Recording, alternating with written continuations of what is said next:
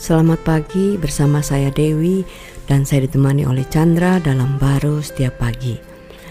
Sering kan kita dengar kalau kamu ingin sesuatu, kamu harus mempunyai satu uh, gambaran yang bagus gitu. Kalau kamu ingin uh, mempunyai satu pandangan yang baik, harus memiliki satu pemikiran yang baik.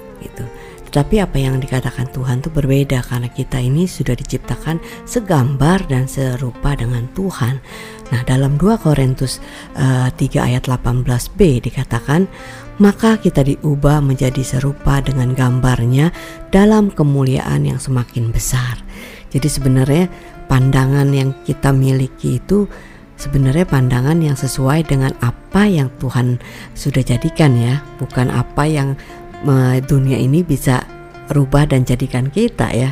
Ya, kalau kita mandang diri kita eh, itu sangat uh, terbatas ya, baik dan buruk, hmm. salah dan benar gitu. Semua orang ingin baik, semua orang ingin benar gitu. Cuma uh, kekuatannya itu sangat terbatas ya.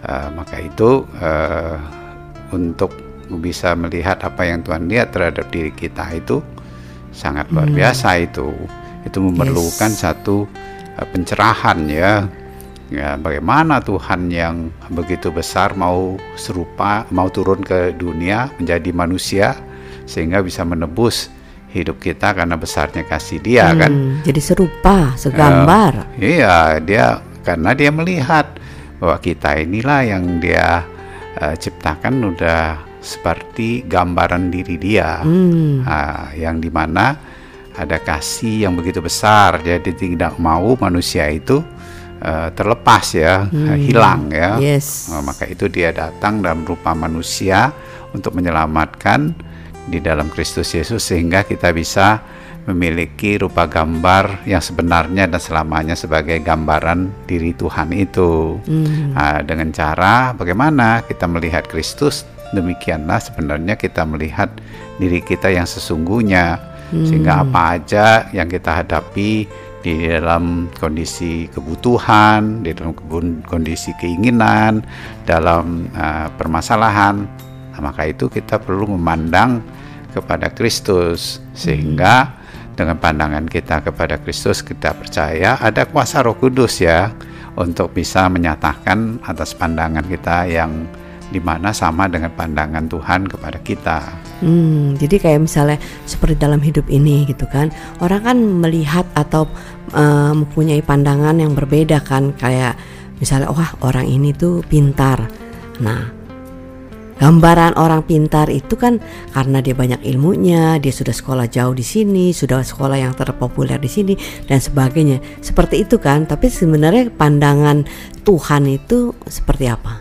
Ya sebenarnya sih ya uh, sepintar-pintarnya uh, orang itu kan uh, dia tidak memiliki tentunya ya kehidupan yang Tuhan inginkan sebagai satu kehidupan dia dan hikmatnya dia.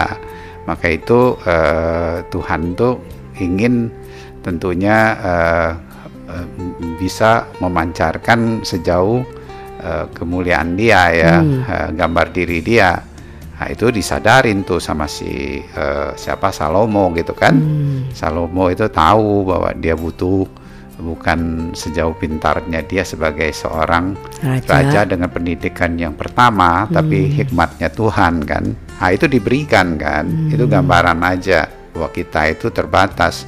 Tapi dengan adanya uh, percaya kepada Kristus kita memiliki hikmat hidup dia ya dalam hidup kita sehingga walaupun kita uh, pintar tapi juga kita itu sebenarnya percaya kepada dia.